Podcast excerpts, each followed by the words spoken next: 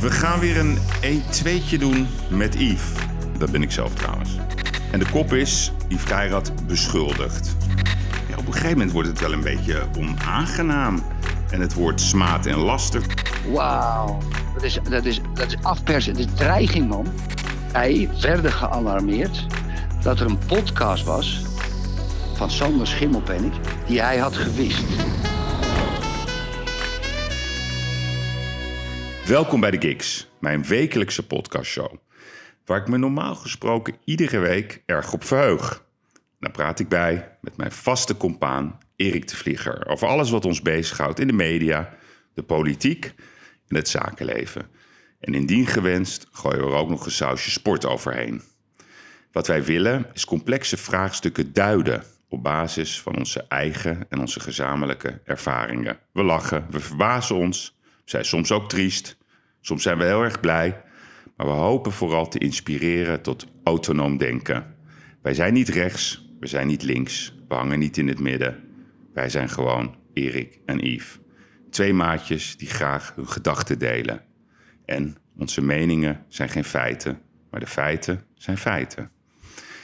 Komende vrijdag zouden we onze kerstshow gaan uitzenden met de hoogtepunten uit de verschillende podcasts van het afgelopen jaar. Een document over 2020. Een bijzonder document.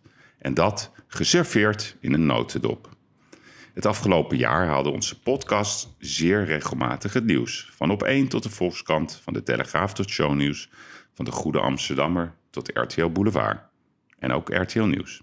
En afgelopen maandag was een stukje verschenen op de Mediacourant. Over een ervaring die ik in de podcast deelde. naar aanleiding van het vertrek van Sander Schimmelpenning als presentator van Dragons Den. Dit stukje werd groot opgepakt door talloze media, die een warme belangstelling koesteren voor bekende mensen. Hoe zit het nou echt? vroeg RTL Nieuws. En ze verwezen daarbij naar een stukje op RTL Boulevard met een reactie van Nicky Plessen en een reactie van WNL-baas Bert Huisjes.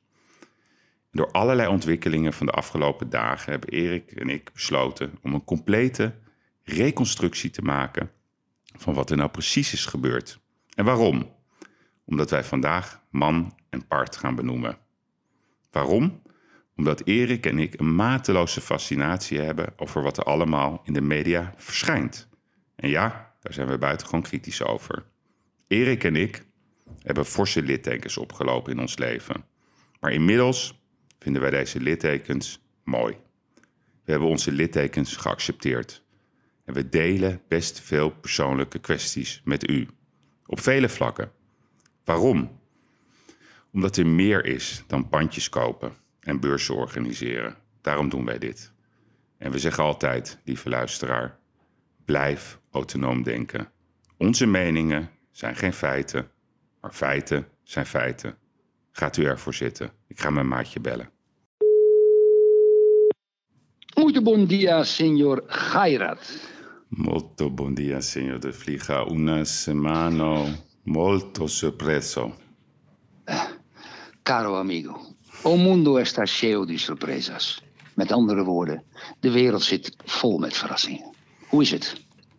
Nou, uh, ik had eigenlijk uh, als idee om een beetje rustig aan te doen deze week. Dat was de bedoeling. Ja, ja. Beetje, ik ook. Uh, een beetje lekker ja. naar het bos, fietsen, ja. leuke dingen Ja. doen. Je weet dat ik in een hele belangrijke week zit, hè, met die, al die leveringen van die appartementen hier. Mhm. Ik had al in die vorige podcast uitgelegd dat ik een, eh, een of andere kolos oplever van 11.000 meter. En nu heb je de actes van alle appartementen. Dat zijn er 52 geworden inmiddels. En eh, elk appartement, en dat is het probleem in Portugal, elk appartement is 99% klaar. Dus je hebt altijd gezeik. Dingen en een sleuteltje, een afstandsbediening en bla bla bla. Dus daar zit ik middenin. Maar ja, er is nogal wat gebeurd, lieve vriend. Hè? Ja, ja, ja, ja. ja. En kreeg je, ja, je kreeg ook nog een tikkie hè, met, die, met die lockdown met Engeland. Moest je ook Ja, even incasseren. ja, ja, maar goed, Ja. incasseren, incasseren wordt onderdeel van het leven. Ja, Erik, je hebt de introductie gehoord. Dus je Ja, weet... Yves, even dat. en- en- Ik ben onder de indruk. Ik ben onder de indruk. En ik ben vo- vooral onder de indruk over dat, dat, dat we van onze littekens zijn gaan houden. Want dat is natuurlijk ook zo. Mhm. Want, zullen we dat uitleggen, wat dat is? Wat dat met Nou onszelf ja, doet? kijk. kijk, de echte kracht, en dat kunnen we. Ik wil geen filosoof spelen tegen de luisteraar. Maar iedereen in het leven die heeft setbacks. En iedereen heeft gebeurtenissen en, en lelijke dingen ook, lelijke dingen. En die veroorzaken een litteken. En als je de kracht hebt om die littekens in de rest van je leven ten, ten voordele aan te wenden. Ja, dus dat je één daarvan leert, twee daardoor dingen beter ziet. En drie, ja, jezelf in een veiligere positie manoeuvreert, dat het niet gebeurt. Ja, dat, dat, dat is eigenlijk wel mooi. Ja. En dat bedoel, ik denk dat jij dat bedoelt met van je littekens houden. Ja, en ook gewoon um, ja, het gewoon delen ook met mensen. Ja. Uh, ja. En uitleggen waar, waar, waarom we bepaalde dingen doen. En ik zeg ook heel duidelijk, onze meningen zijn geen feiten, maar feiten zijn feiten. En we gaan het vandaag dus vooral ook hebben over de feiten. Uh, leuk is anders dit keer. Mm. Elton John. It's sad, so, sad.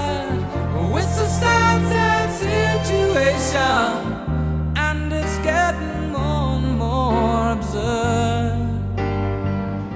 Erik. Um, even voor de duidelijkheid. Dat de luisteraar het uh, even in chronologische volgorde goed begrijpt. Wij bellen elkaar okay. altijd op, vrijdag. Ja. Ja. ja, en dan uh, nemen we de week door. We lachen, we hebben lol, we zijn boos, soms zijn we blij. Maar we bespreken ja. vooral het nieuws in de media en de politiek. Uh, en we proberen dingen toch op een bepaalde manier te duiden. Nou, en op 11 december, vrijdag 11 december, toen ging, ging onze podcast vooral over ja, Ab Osterhuis. Hè. Daar gaan we het later misschien nog even over hebben. Nou, dat is in ieder geval ook door hem bevestigd. Uh, prima in ieder geval dat dat duidelijk is. Ja, en wel blij dat hij het eindelijk toegegeven ja. heeft. Hè? Dat hij 5,6 ja, miljoen heeft verdiend. Okay. Nee, prima. Um, nou, en, en in, in dat gesprek hè, we hadden ook zo over van nou, die podca hè, dat podcastje waar we ooit een grapje over hebben gemaakt. Ja. Dat ja, vinden we ja, wel leuk ja. om die naar boven te duwen. Dus we hebben het er ook over. Ja. misschien moeten we voor in 2021 voor de eerste plaats gaan.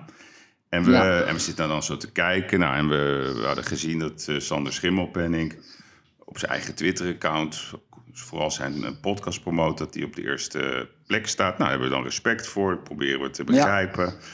Ja. Uh, die week hadden we het ook over het boek van John de Mol, gesproken met Mark Koster. Nou, en toen kwamen we gewoon uh, heel even terecht bij, bij, bij Sander. En ik, ik zeg die naam en jij werd toen boos. Maar ik zal even uitleggen aan de luisteraar wat de reden is ook. Waarom jij daar best wel, vond ik, uh, heftig op reageerde. Ja. Dus daar gaan Ja. we even naar luisteren. ik mag hem wel, ondanks dat ik het vaak niet met hem eens ben, maar ik mag hem wel omdat hij zich gewoon laat zien. Hij laat zich een beetje horen. En, lange tijd waren ondernemers, door corona is dat natuurlijk wel een beetje veranderd, maar eh, ondernemers waren altijd zichtbaar. Die verstoppen zich. En hij laat zich wel horen. Hij geeft zijn mening over dingen. En ik vind dat wel, wel Maar een hij is, leuke hij is stem. met eh, vastgoed is hij eh, ooit. Nee, eh, of, eh, eh, iets eh, anders toch? Inca, of die de naaimachines. Naaimachines. Echt? Ja, hij heeft een familiebedrijf. Naaimachines eh, Schitterend. heeft hij volgens mij met zijn broer had hij dat ooit. Dat heeft hij verkocht. Hij is ook een keer failliet gegaan. Nou, goed, en hij doet nu eh, doet hij het hartstikke goed in, in het vastgoed in, in Portugal. Portugal, ja. Ja, dus kan je even uitleggen, Erik, ehm, wat, wat, wat, het, wat is er toen precies gebeurd? Nou ja, kijk, weet je, ik, ik, ik heb met Sander wel, we hebben elkaar, elkaar niet geblokt op Twitter, maar ik heb wel behoorlijke meningsverschillen. Ik heb een bepaalde mening, daarover later meer. En ik kreeg opeens een WhatsApp en zei: Beste Erik, we hebben in het kader van de verkiezingen met Trump. eh, zou jij een klein grappig berichtje in willen spreken? Dat doen we dan in, zijn podcast. Nou ja, zijn podcast staat op nummer één. Hij stelt me die vraag: waarom doe ik dat niet? Dus ik, ik stuur een heel lief berichtje over Trump, een beetje lachen. En eh, een paar dagen later word ik gebeld door een goede vriendin. En die zegt: Erik, heb jij die podcast van, van Sander Schimmelpenning beluisterd? Zeg: Wat dan? Ik zeg: Ik heb een, ik heb een, berichtje gestuurd. Ze zegt: Ja, maar je moet eens luisteren. Dus ik ga luisteren. En dat dédain van die jongen, dat hij zegt: Ja, hij is volgens mij wel failliet gegaan. Hij is misschien in de war met de luchtvaartmaatschappij die ik toen aan, aan Arkefly verkocht heb, TUI. Ja. Arkefly was mijn voormalige Holland, of, eh, ehm, ehm, eh, Holland Excel. En ja, hij heeft zijn familiebedrijf verkocht. Nou, personeelsleden die luisteren ook wel eens naar Sander Schimmelpenninck. En eh, is het bedrijf soms verkocht? En daar heb ik hem op aangesproken. Daar antwoordde hij op, oh ja, eh, zo zag ik het niet, moet ik het rectificeren of zo? En wat bedoel je? Dat is toch helemaal niet erg? Ja, kijk Yves, als je dus iemand een plezier doet... en dat is natuurlijk zo direct wat we ook gaan krijgen met Dragon's Den... parkeer dat even luisteraar, want daar gaat Yves over praten. Dat is, dat is zo naar, ja. Hmm. Terwijl ik hem een plezier doe en dat hij er dan als het ware zo invliegt. En toen dacht ik al, ja, er is iets mis daar. Er is iets mis. Oké, maar Dat- goed, desondanks, weet je, eh ze wouden zoiets, nou, oké, laat maar gaan, weet je. Wo- Ja, het is wat het is. Nou, Het is wat het is. Kijk, we hebben het ook over, over eh, mensen, dus we hebben het over Sander. Eh, we gaan natuurlijk ook, we hebben het ook over Jaap Reesma, hè, die zijn compaan is in die zelfs podcast. Dus even ook Ja. om te duiden, hè, ehm, wat, wie, wie is Sander? Hè? Die is als een komeet omhoog geschoopt. Eh duid de man even voor mij en voor de luisteraar. Ik? Ja, jij. Dus gewoon Nee, eh, van, hè, wat hij Ja, de laatste ja, nou, tijd opeens komt, eh, duikt hij op. Ja, in positieve Sander, zin. kijk, ja, nou ja, kijk, Sander is een jongen die ehm, van adellijke afkomst is. Dat, dat is allemaal prima. Hmm. Eh, vervolgens heeft hij ehm, ehm, in, in- zichzelf in een positie gemanoeuvreerd. waarbij hij eh, vanuit zijn hoofdredacteurschap van de Quote. terechtkwam eh, als presentator bij Op 1. Ehm, daar is hij uiteindelijk mee gestopt. Ehm, hij is ook presentator van Dragon's Den. En hij doet een aantal grote commercials. Coca-Cola zag ik laatst. eh ABN AMRO. En is ook eh, Volkskrant-columnist geworden. Nou, dat is een staat van dienst eh, binnen het Amsterdamse. Nou, dat is best heel respectabel. Ja, precies. En dat is, dat is heel snel gegaan. Daarnaast zie je hem ook veel in, in de media verschijnen. eh duidt dingen en is nogal actief op Twitter. En steekt zijn mening niet onder stoelen of banken. Nou, wat we, van de me- wat, we, wat we van de mening ook vinden. Meningen zijn geen feiten. Maar hij heeft in ieder geval voor heel veel mensen en over heel onderwerpen een mening. Nou, prima. Geen enkel probleem. Nou, en Jaap. Jaap is zeg maar zijn, eh, zijn buddy, zijn vriendje van vroeger. Opgegroeid in Terwolde. Ehm, heeft gestudeerd. dat? Ja, dat weet ik niet, Erik. Ik Oh, denk daar ook in de omgeving van Oké. het Deventer. Deventer, denk Ja, ja. ik, daar in de buurt. Ehm, nou, hij heeft meegedaan eh, aan X-Factor. Dat heeft hij ook eh, gewonnen. Eh, veel op tv geweest. Had ook een relatie met, met Kim Kutter. Ehm, even kijken, allerlei projecten. Ik zit even te kijken, want ik, ik ken de beste man niet zo goed. Ze heeft ook een nummer 1 hit gehad in Vlaanderen met Ellie. En in 2019 is hij deze zelfs podcast begonnen. Ja, waar ze op hun manier allerlei dingen met elkaar bespreken. En dat doen ze op een manier prima, geen probleem. Nou, dus dit zijn de personen. Dus niks aan de hand, helemaal prima. Nou, en afgelopen vrijdag, eh, dat was in principe was dat onze laatste podcast, Erik, van, van, van dit jaar. Hè? Dus we hadden gezegd, we doen eh, vrijdag, dus komende vrijdag, een grote kerstshow. En donderdag, eh, de 31ste, hadden we de luisteraar opgeroepen. En dat doen we nog steeds, om allerlei voorspellingen aan ons te vragen voor 2021. Van politiek En wat, tot een mooie, sport. en, wat, en wat een mooie luistercijfers hadden. Wauw. Ja, nee, oké. Dus dat, dat, dat vinden wij ook leuk. Daar zijn we ook eerlijk over. Hè? Want daar doen we het Ja. ook voor. We willen gewoon wel bereik eh, realiseren. Nou, en in die podcast, eh, afgelopen vrijdag, hebben we heel uitgebreid met elkaar gesproken over de macht in Nederland. We hebben het toen gehad eh, over de toeslagenaffaire. Eh, we hebben ook onze littekens gedeeld, hè? onze eigen persoonlijke littekens die wij hadden met de Belastingdienst. Nou, daar geven we meningen over. En op een gegeven moment, een beetje zo op het einde, of nee, in het midden was dat, na een half uurtje, als ik het me goed herinner, vertel ik tegen jou van, goh, had je ook gezien dat Sander opstapt, weggaat bij Dragon's Den, hoe dan ook. En Ja. ik, en ik Ja. zeg daar het volgende over, Erik, daar luisteren we even naar. En ik sta naast de Peridon. En eh, die zit ook in dat Dragon's Den. En die zei toen, ja, die, die, die schimmelpenning gaat eruit. Die heeft iets smerigs gedaan. Hij heeft me verteld Oh ja? ook wat dat is. Ik hou het voor me. Het is te ordinair. Nee, man. Ik hou- nee, nee, nee, ik vertel het niet. Eh, dat is- ordinair. nee, nee, dat- Zo ordinair. Ik moet het verifiëren of het waar is. Maar in ieder geval, hij zei dat in Seksueel? sep- Seksueel, Yves? Hij Seksueel? zei het in september. Ja, hij zei het in september, Erik. Ja, Yves, kom nou. Peridon. Seksueel, ja of nee? Nee, nee, nee. nee. Ik, ik, ik, Oh. ik, ik vind het netjes om het... eh, ik vind het eh, gevaarlijk. Dus Netjes, je kan niet zomaar mensen erg... Ja, oké, maar ja. Maar ik vond het grappig, dus... Peridon... Geef eh, me dan even een WhatsApp en dan, en dan zeg ik het. Zeg ja, ik het. oké, ja, is goed. Nee, maar Peridon maakte de call. Dat vond ik wel opmerkelijk. Die beslist dus Mhm. wie, de, wie, wie, wie, wat de looproutes zijn eh, van, van Dragon's Den. Ja, dus wat zeg ik? Ik zeg letterlijk dat, die, dat ik vind eh, omdat ik iets had gehoord van Michel Peridon. Dat is een Rotterdamse ondernemer, daar gaan we het straks uh, uitgebreid over hebben. Dat Michel had tegen mij gezegd, hij heeft iets smerigs gedaan. En hij gaat niet meer het programma presenteren. En hij zegt letterlijk, ik maakte de call. En dan gaan we straks hebben over wat dan de bedoeling is van de interpretatie van die call. Daar hebben we het heel Ja, kort... even- Wat zeg je? Even zeggen, even zeggen, de RTL Boulevard en gisteravond Shownieuws, pakt, uh, Mediacorant pakte dat groot op. Ja, nee, even de, even, ja, precies. Maar even de goede volgorde. Ehm, ik zit maandag op mijn kantoor. Eh, met, eh, met, met, ja, met wat collega's om de, om de plannen voor 2021 eh, te maken. Ja, we moeten ook nog gewoon werken. We moeten ook positief blijven. En we moeten mooie plannen maken. Dus ja, dat is wat we doen in tijden van corona. Ons voorbereiden voor straks. En op dat moment word ik gebeld door een nummer wat ik niet ken. En dat is Sander. Nou, dus die begint tegen mij een heel verhaal. Dat, eh, wat, is, eh, wat, eh, wat heb je allemaal gezegd? En, Was hij boos met een boze stem? nou, of, hij begon heel rustig. Hij begon rustig. Eh, maar ja, hij, hij zei, ja, je moet rectificeren. Je moet het recht trekken. Ik zeg, Sander, even met alle respect. ik ga er even naar luisteren, want ik moet wel even weten wat ik nou precies heb gezegd. En ik bel je daar om één uur over terug. Dat is wat ik letterlijk tegen hem zei. Maandag, hè? Maandag. Dus hij Maandag belde mij.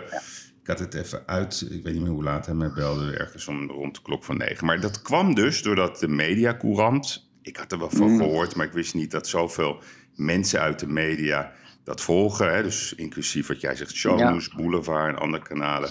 En die maken, en dat is wel belangrijk. De, die, dus die hebben een transcriptie van het gesprek gezet in het artikel. ja, ja. En, en de kop is, Yves Geirat beschuldigd. Sander Schilbenpenning. Dus, dus even voor de duidelijkheid, voor de luisteraar. Zo gaan koppen. Ik beschuldig hem nergens van. Ik, het enige wat ik deed, ik deel met jou een ervaring... wat ik van Peridon had gehoord. Dus ik, mag Mhm. ook, ik noem ook gewoon man en paard. Want Peridon, en die vindt dat prima... dat ik dat zeg, Ja, en dus toen? heeft dat genoemd. En toen? nou, en toen. Dus ja, het zat me niet lekker. Dus ik zit in die, Nee. in die meeting... En, eh, Maar, maar, maar dreigde Sander, dreigde Sander, hoe, hoe ging het dan? Dat- Ja, nee, dus ik wou het eerst, ook- eerst even terug horen. Dus ik heb het allemaal teruggeluisterd. Dus ja, ik bel hem op en ik zeg... eh, ja, Sander, ik heb het gewoon eh, net eh, helemaal teruggeluisterd. Wat, wat, is, wat, vind je, wat is er niet goed? Wat, wat, wat vind je dan feitelijk onjuist wat ik gezegd heb? Ja, en dan gaat hij in dat gesprek... doet hij een hele rustige aanloop. En dat is allemaal heel aardig en noem het allemaal op. Maar ja, op een gegeven moment wordt het wel een beetje onaangenaam. En het woord smaad en laster valt. eh, het woord advocaat eh, valt. eh, ik moet mijn bek houden als ik het niet weet hoe het zit. Daarnaast maakt hij ook een soort denigerende opmerking. Ja, jij bent ook geen journalist. Nou, oké, dus ik zeg oké, ik, doe dit vak 30 jaar, maar ik laat aan jou de eer van wat jij dan journalist vindt. Ik neem het de kennisgeving aan. Ehm, ja, en dan begint hij over jou, Erik. Jij bent een rechtsextremist, dat je het even weet. Eh, met- en, en ik zit nu ook in die hoek, dus ik ben ook een rechtsextremist. Wiert Duk wordt nog even genoemd. Die ken ik niet, jij wel. Wat, wat is, wat is Ja, er de hele tijd met die Wiert Duk aan de hand? Telegraafjournalist. Ja. En die, eh, die wordt door Sander constant maar als een, als een, na, als een nazi bestempeld. Je moet de kat wegjagen weer, als een nazi bestempeld. En hij heeft toch ook over Jan Dijkgraaf gehad, geloof ik. hè? ja, en Jan Dijkgraaf. Dat was en- ook een extre- rechtsextremist, hè? Ook, ook, ja. ja allemaal En hele- hij letterlijk tegen jou gezegd, Ja, ja, allemaal enge mensen. En, eh, en ik hoor ook in dat kamp. En eh, ik, ik, dus ik word daar wel... Mhm. Op dat om- moment zeg ik, stop. Ja. Jij gaat mijn vriend eh, Erik de Vlieger niet neerzetten als een rechtsextremist. Ik ken de beste man al 30 jaar. Ik heb hem werkelijk waar nog nooit op zoiets kunnen betrappen. Dus eh, nu, nu, Mhm. nu, nu ben je grensoverschrijdend bezig. Nou, dan gaat hij nee, maar dit en dat. En ik stel de vragen niet goed, want ik ga niet in op dat seksuele. Nou, even voor de duidelijkheid, ik zeg nee, nee, nee bij herhaling.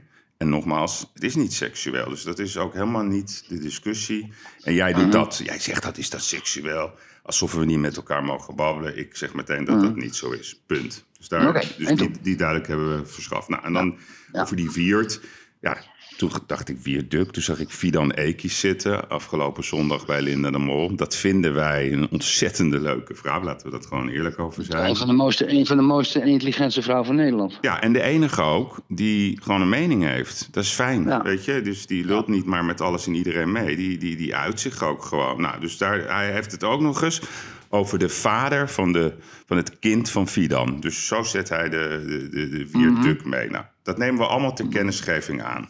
Ja. Dus, wat zeg ik tegen Sander? Eh, hij praat met me verder. Zeg ik, zeg, joh, eh, ik zal, ik zal het, eh, ik, ik, dit is wat het is. Nou, dan moet, hij zegt, ja, maar je moet met Bert Huisjes bellen, want die bepaalt wie wel en niet. eh, Hoofdredacteur, hoofdredacteur WNL. nee, hij is de baas van WNL. Baas van WNL. Ja, dus, dus Dragon's Den, het programma waar we het over hadden, dat, is, eh, dat wordt geproduceerd door Vincent TV. En de man heet ook Vincent. Dus in Mhm. alle eerlijkheid, eh, Bert Huisjes weet natuurlijk niet precies hoe de hazen lopen. Net zoals John de Mol Nee. ook niet precies weet wat er bij alle programma's gebeurt. Dat is natuurlijk een beetje raar om zo te denken. Maar ik zeg hem wel toe. Ik zeg Sander, ik beloof het je, ik zal contact opnemen met Bert Huisjes. Dus ik heb Bert Huisjes ook gebeld. De beste man heeft me keurig te woord gestaan. En die heeft gewoon gezegd: Ja, ik had wel gehoord dat er een fitty was. Maar ik heb begrepen dat dat was, ja, zeg maar, eh, opgelost. En, ja, en die is positief over Sander. Eh, die zegt: Ja, weet je, wij vonden het gewoon belangrijk om te kiezen voor iemand, een gezicht op één. En dat is Jort Kelder geworden, omdat hij ook daar presentator is. Nou, prima. En, en Sander gaat eh, documentaires maken voor de VPRO. Nou, duidelijk. Dus daar is eh, Bert heel duidelijk over. Maar ik, ik, lul, ik lul wat verder Ja. met, eh, met Bert. Maar ik zeg, ja, heb je überhaupt een idee waar de hele discussie over gaat? Nou, dus daar praten we over. En toen zei hij letterlijk, toen stond hij bij de slagboom. Misschien moet ik mijn mening opschorten. Ik zei, nou ja, hoeft helemaal niet. Maar Dat, ik, eh, is, dat, is, dat is toen jij hem vertelde wat wij hebben gehoord en op tape hebben. Ja, waar we het straks over gaan hebben. En Wat we Ja, ook gewoon, ja, omdat we het belangrijk vinden, hè, Ja. dat dingen naar buiten komen. Maar wij hadden, Ja. we hadden echt zoiets, weet je, laat maar gaan joh. Nou, wat Mm. vervolgens gebeurt, dan krijg je eh, de, de bekende social media stormen. eh, RTL Boulevard, die, geeft er, die besteedt er aandacht aan. Nou, we moeten ook eventjes een gedeelte van het fragment laten horen. Dat doen we dus nu even. En WNL die laat eh, weten dat zij de afweging hebben gemaakt om voor Dragon's Den dus een huidig NPO 1 gezicht te kiezen, maar gaat verder niet in op de beweringen van Yves Nicky. Jij was natuurlijk collega bij Dragon's Den hè, met Ja, Sander. ja. Eh, wat vind jij van dit verhaal? Hoe kijk je hiernaar? Nou ja, ik bedoel, de, de, Michel en Sander zijn misschien niet de beste vrienden. Maar eh, het is zeker niet dat Michel ervoor gezorgd heeft dat Sander daar niet meer zit. En wat Sander zegt, dat heb ik ook van de NPO begrepen. Hij wilde wel, maar zij hebben uiteindelijk voor Jort Kelder gekozen. Ja. Want die is NPO-gezicht. Nou, en dan wordt het erover gesproken en dan wordt het soort, soort weggewuifd van nee, eh, Bert Huisjes bevestigt het punt hè, eh, dat, eh, dat, dat, dat, dat niet eh, Michel Peridon de call maakt. Hè, zegt dat niet zo letterlijk, maar dat is wel wat hij bedoelt. En Nicky Plessen, die daar gewoon zit, ehm, ja, die kijkt een beetje zo naar beneden en die, en die, die is gewoon zalvend. Die is aardig. Ja. Die denkt, weet je, ik Ja. heb allemaal geen zin in een conflict. En dat begrijp ik ook. Ik zeg je er ook meteen bij dat ik ehm, dus aan Perry dan ook heb gevraagd: Goh, wat is dat? En zegt hij: Ja, weet je, die heeft daar gewoon geen zin in. Die heeft het al moeilijk genoeg met, met corona. Die zit ook in de nauwregeling. Dus ik respecteer dat ook wat zij zegt. Weet je, dat is prima. Ze, ze laat het gewoon even over zich heen gaan. Nou, we worden de volgende ochtend wakker. We zien heel veel Ja. dingen eh, op Twitter, eh, met de billen bloot, nou, et cetera. Ja, dus ik zeg Erik, ik wil, ik wil gewoon weten eigenlijk hoe het precies zit. Zonder nog dat ik Nou. denk van, ik ga er wat mee doen. Die dingen op Twitter, ik vind dat ik die even voor moet lezen. Mhm. Ja? Kijk, eh, of, nee, nee nou, die, die, die, die lees ik voor. Du moment dat jij in Rotterdam bent. Dus ga door met je verhaal. Ja, dus wat ik doe, ik zou, eh, ik had een afspraak, eh, eigenlijk bij mij op kantoor. Alleen, ik, ik, het zit me niet lekker, dus ik bel met Michel op, Michel Peridon. Ik zeg, Michel, ehm, ik zou graag even bij je langs willen komen. Ik stap zo meteen in de auto. En ik wil even toch even met je praten over wat, er- wat er allemaal eh, wordt gezegd en geschreven. En ik wil even ook met je hebben over wat jij tegen mij hebt gezegd. Volgens mij heb je dat tegen mij gezegd. Maar ik wil even bij je langskomen. Nou, prima, prima, zegt hij. eh, ik, moet alleen wel, ik moet wel naar het ziekenhuis een foto maken. Maar dat is hier bij mij om de hoek, bij het Erasmus eh, Universiteit. Ik vroeg trouwens niet eh, of Appie er ook was. Moet- nee. nee. Maar goed, dus ik stap in de auto, Erik. En eh, ja, ik, ik, ga- ik, ik, ga naar, ga naar Michel. En ik had natuurlijk een soort beeld. Ik was daar nog nooit geweest. Maar ik had wel het beeld in mijn hoofd... Ja, van een of ander heel raar paleis of zo wat ik zou aantreffen. Dus ik, ik ben op zoek Ja, naar een maar plekje. dan moet ik, dan, Ja. dan moet ik eventjes, eventjes tussendoor wat zeggen, ook voor de luisteraar. Mhm. Wij werden gealarmeerd dat er een podcast was van Sander Schimmelpenninck die hij had gewist. En Ja. in die podcast waren dingen die hij had gezegd over Michel Peridon en zijn personeel, Mhm. donkere personeel. Mhm. En dat was de kern van het aankomende conflict tussen de Dragon Den miljonairs, de deelnemers, en Sander Schimmelpenninck. Dus wij voelden dat daar een heel vreemd conflict was en dat er een ober was die heel erg beledigd was door dat feit. En op basis daarvan gingen wij praten en zei jij, ik stap in een auto, ik ga naar Michel, ik wil die ober spreken, ik wil nu wel weten hoe het zit. Ja, en ik wil ook zien waar hij het eigenlijk over heeft. Want hij heeft het in die Ja. podcast... heeft hij het ook, ook over een soort ja, proletenpaleis. eh, hè? Zo, zo, zo, zo, zo, zo zegt hij dat niet, maar dat is wat hij bedoelt. Hij noemt jou ook een proleet, zag ik in een tweet. Eh, ik ben Weet je wat een weet hij, hij noemt, is hij dat? noemt jou een proleet, hij Ja. noemt Michel een proleet en hij noemt ehm, mij een proleet. Een proleet is een niet beschaafd mens. Oké, Ja? dan weten we Volgens de dat dikke ook. van Dalen. Oké. Ja? Niet beschaafd mens. Jij in je auto. Ja, dus ik daar naartoe. Ehm, ik kom aan in Rotterdam. Ik, eh, ja, ik zet mijn auto neer, park mobiel aan. Ik zit zo te zoeken. Nou, Erik, waanzinnig mooi landgoed. En dat heet het landgoed Welgelegen. Maar voordat we dat gaan doen, denk ik dat het goed is om even het eerste fragment uit die verwijderde podcast te laten horen aan de luisteraar. Dat gaan we nu doen. Ja, dus wij gingen. eh, vorige week gingen wij. eh, zondag gingen we kijken met z'n allen bij Peridon. En Peridon die heeft dus. Ja, dat is niet normaal. Dat is zo'n uber nouveau riche. Die heeft dus een, een soort van. Ja, stadskasteel gekocht in Rotterdam aan de Parklaan. Wel gelegen heet dat. Nou, dan weet je het En wel. alle clichés over rijke mensen met eh, te weinig smaak en te Heeft veel hij geld. aangevinkt. Ongelooflijk. Dus daar, ja. Ja het, het was, ja ik moet, Maar ik, komt ik die moet, beste ik man moet hem wel nou- in zijn waarde laten. Maar het is, het is echt. Ja, het is wel heel. Het is, ja, het is wel daar. eh, self-made man? Nou, zijn vader had een bedrijf, heeft hij overgenomen. En dat heeft hij wel echt groot gemaakt. Maar echt helemaal zelfmade is niet. Maar ja, hij had, ja, had een jachtkamer met allemaal beesten uit Afrika. Die je natuurlijk echt niet mag schieten. Dat is echt heel erg. Oh. En hij had een, hij had een, eh, een, een, een bediende, een ober. Ma- Mario. En die was Oh, de erg. allerzwartste Congolees die je ooit in je leven hebt gezien. Nou, Erik, dus wat zegt hij in dat fragment? Kijk, Yves. Wij hebben gisteren een aantal keren gesproken. Neem een slokje water. En Als ik dat weer hoor. Kijk, wij hebben besproken dat we gaan proberen om Sander niet te veroordelen. Mhm. Ja, en al zeker niet als racist.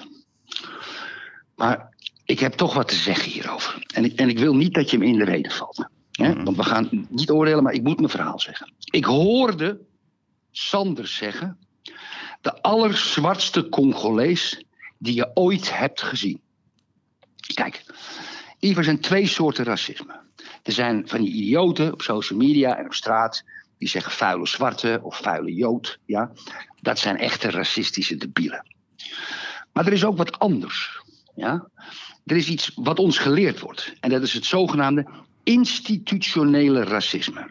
En wat is eigenlijk institutioneel racisme? Dat is dat de gekleurde medemens geconfronteerd wordt met dingen die blanke witte mensen doen of zeggen, die zij als racistisch ervaren. Neem bijvoorbeeld Zwarte Piet. Heel veel mensen zeggen, waarvoor heb je daar problemen mee? Maar donkere mensen zeggen, ik word daardoor beledigd. Dat is een gevoel. Daar houden we mee rekening of daar, hebben we, daar houden we geen rekening mee. Dat boeit niet. Dat is niet het punt. Maar die mensen voelen dat. Dus mijn mening is dat we daar rekening mee kunnen houden. En dat vind jij ook. Mhm, zeker. Dus ik bel mijn zoon gisteravond op. Mijn zoon Mick, oudste zoon, die gaat met code oranje proberen in de kamer te komen. En Mick is een hele goede, rustige, betrouwbare gast. Lieve jongen. En hij is getrouwd met Dianta Broeks. En Dianta Broeks is anker bij Shownieuws. En ik hou zo verschrikkelijk veel van die vrouw. Het is gewoon mijn vijfde kind. Het is een prachtige vrouw, intens goed. En haar vader is 100% Antilliaans. En die heeft ook veel met zijn vrouw gepraat en met de vader. En Mick zei toen toen hij die opmerking van Sander samen met mij hoorde.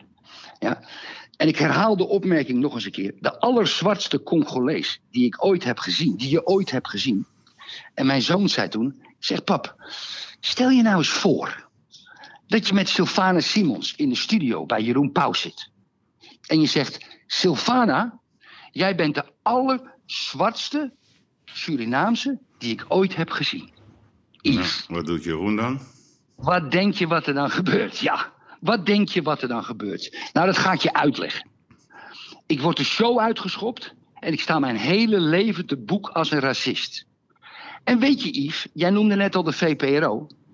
De VPRO, waar Sander gaat werken, die zenden documentaires uit over institutioneel racisme. Sunny Bergman bijvoorbeeld.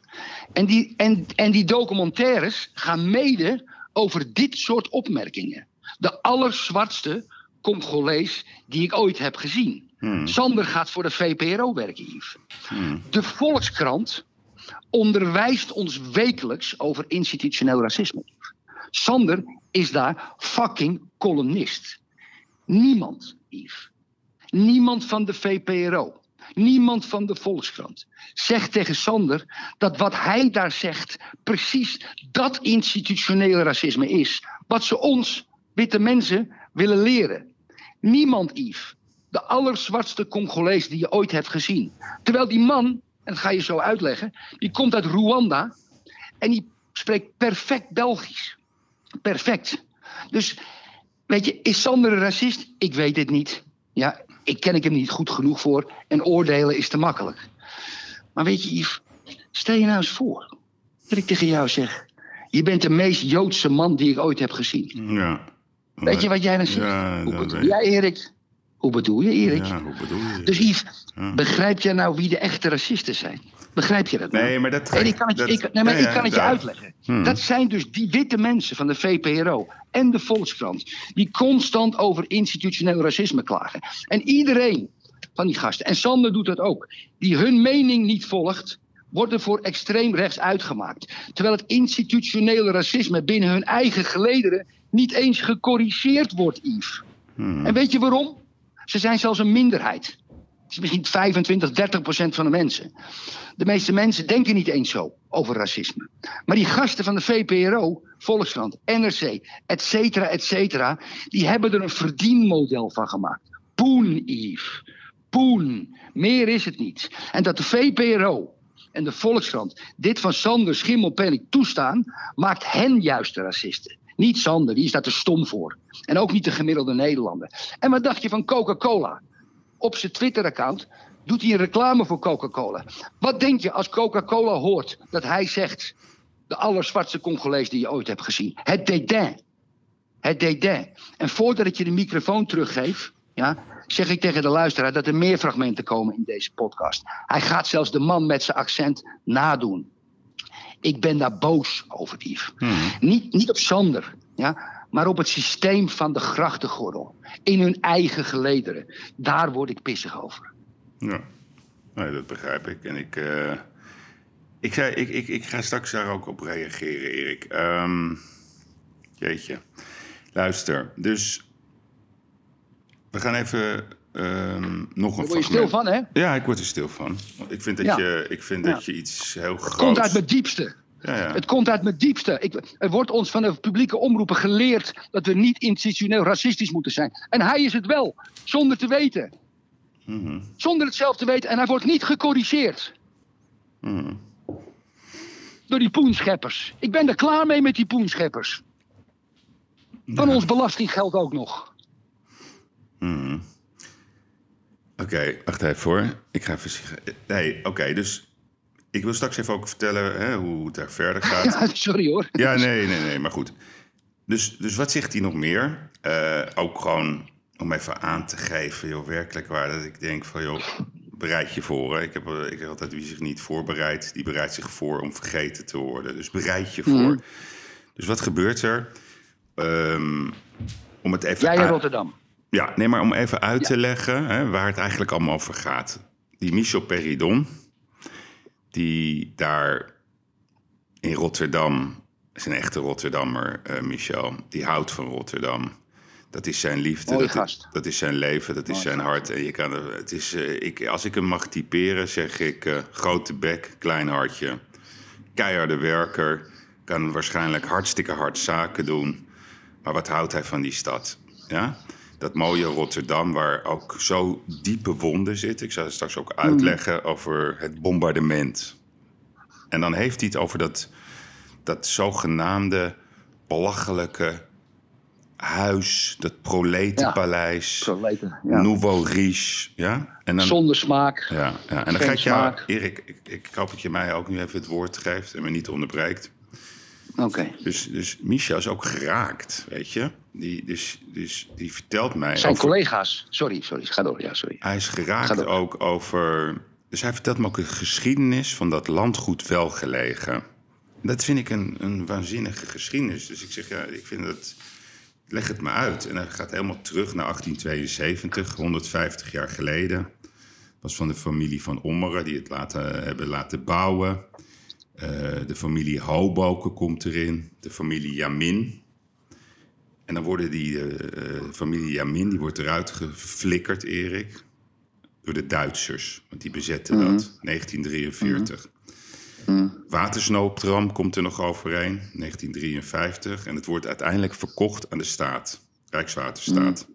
En in 2014 koopt Michel Peridon dit landgoed. Wat er niet heel fraai uitzag op dat moment. En hij maakt daar een heel mooi, bijzonder landgoed van. En hij geeft mij, hij geeft mij een tegeltje. Daar zal ik je straks over vertellen wat ik van hem heb gekregen. Maar hij geeft me ook een gedicht. En ik ga toch dat gedicht voorlezen. Oké. Wel gelegen. In de schaduw van de oude eik komt een kroniek tot leven. Hier heeft men in de loop der tijd geschiedenis geschreven. Waar koopmanschap regeerde, de stad zijn oorsprong vond. Waar idealen wortelden in voedingsrijke grond. En elke ruimte ademt hier het aanzien van weleer. Ultieme schoonheid uitgedrukt in glans, detail en sfeer. Waar oorlog, onheil en verval de monden deden zwijgen. Daar wil de droom die overleeft tot grote hoogte stijgen. De liefde en de luister hebben de tijd doorstaan. Hier is er door de jaren heen een monument ontstaan. Uit handelsgeest en nijverheid is Rotterdam geboren. Het hart van de geschiedenis klopt hier als nooit tevoren.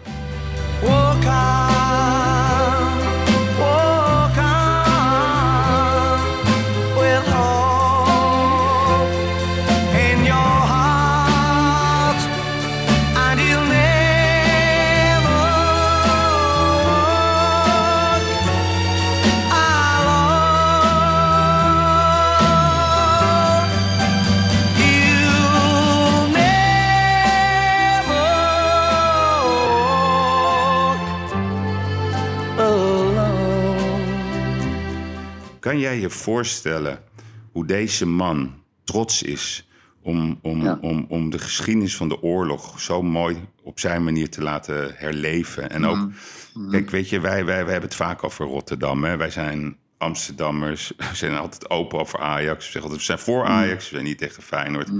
Maar Rotterdam, hand in hand kameraden, een woord is een Ja. woord. En deze Ja. man, die heeft zoveel trots. En die wordt zo. Neergezet als een soort Mongool, als een proleet. Als een, stu- als een- een stuk vuil. Terwijl het ook nog eens een collega is in die show. Hè? Ook nog eens. En dus wat gebeurt er. Erik? Dus wat doet die Peridon? Die vindt dat leuk, dat Dragon's Den. Heeft hij plezier in. En, en Dragon's Den doet hij samen met de andere dragons. Hè, die door, door, door Sander worden genoemd als draakjes. Nou, prima, Mhm. zegt het al. En die nodigt de draakjes, laten we zo maar noemen dan... uit om gewoon op persoonlijke sfeer. En wie zijn dat? Dat is Won Jip. En die nodigt hij dus uit voor die avond met zijn partner, Nicky Plessen en zijn partner. Dat is de, die, die charmante modeonderneemster. Pieter Schoen, hele succesvolle man in de, in de wereld van de energie. Echte marketeer. Michel eh, zelf natuurlijk. Sean Harris, fantastische investeerder. En hij nodigt ook uit Jeroen van de Boom en zijn partner. En, en Sander is erbij. En Vincent, de producent. En verschillende mensen die met heel veel trots werken voor Michel Peridon. Met, ik zeg, Erik, ik benadruk, Met heel veel trots. Ik zeg het nog een keer. Heel veel trots. En die mensen zijn niet zielig. Die zijn trots op wat ze doen. En dan roept hij ook nog even in het gesprek met Jaap het volgende. Gaan we even naar luisteren. Over, Ja. Je- over Jeroen van der Boom. En die moesten ook, hij had vier man personeel, dus we gingen daar met alle draakjes gingen we daar eten. En Jeroen van der Boom die kwam gewoon even bij de borrel gewoon muziek maken. Gewoon Ja. Jeroen van der Boom, ja, jij weet wat het kost. Ja, tien roodjes. Tien roodjes, zegt, zou Peridon zeggen. Ja, tien, tien Ik doe het, roodjes. Tien roodjes. Die kon gewoon even muziek maken, gewoon, eh, gewoon als achtergrond. Ja. En eh, aan het einde van de Ergens lijkt me, ja, ik snap het wel, hè. Kijk, het is wel tien roodjes, maar het is ook wel weer... Oh, dan zit je altijd voor die man. Je bent wel echt een soort... Voel je je toch ook wel een beetje kut. kut. Ja, Als Jeroen van der Boom. Ja, nee, ik snap het, want het is echt heel veel geld. En ik zou, ik had het, ik zou het ook doen, tuurlijk. Ja, je doet- Maar- hij doet dat wel goed, moet ik zeggen. Nee, Tien ruggetjes, Erik. Ja, lullig hè, ja, dat hij dat moet doen en dat hij daar dan moet Ja, gaan ik muziek zou het ook gedaan hebben. Ja, Maar- maar- ja, ja. Maar gewoon, dan, dan zeg ik dat, hè, vraag ik aan Peridon. Hij zegt, zegt hij, Yves, ik, ik, ik, ben er zo, ik, ik heb er gewoon, hij heeft er gewoon van moeten janken. Van die, van, van, van, van, van, van die podcast die hij toen- had gehoord. Hè. Daar kwam hij eh, ja. bij toeval achter. Via een vriendin van zijn dochter. Nou, dus ja, hij was woedend. Hij, hij, hij explodeerde gewoon. En dan zeg ik, ja, dan zegt hij, weet je wat... Waarom, waarom, maar waarom explodeerde hij? Heeft hij geen 10.000 euro aan Jeroen van der Boom gegeven? Nou, niet om dat specifiek, hè. Met name over het onderdeel ehm, van de butler, wat hij zo erg vond. En, hij, Ja. en, en, en, en, en, dat is een woord, de butler. We hebben Ja, maar even de Jeroen van der Boom. Jeroen van der Boom, heeft hij 10 ruggen gekregen, ja of nee? Nee, weet je waarom Jeroen daar zit? Dus dat is ook nog eens naar, naar Jeroen toe. Dus, dus, dus Michel heeft eh, bij eh 25.000 euro geboden op een eh, gala eh, voor wereldouders. 25.000 euro, Erik. Dat heeft Jeroen van der Boom belangeloos aangeboden. En Michel heeft die 25.000 euro gestort aan de wereldouders. Dus die had hij nog te goed voor een leuk momentje.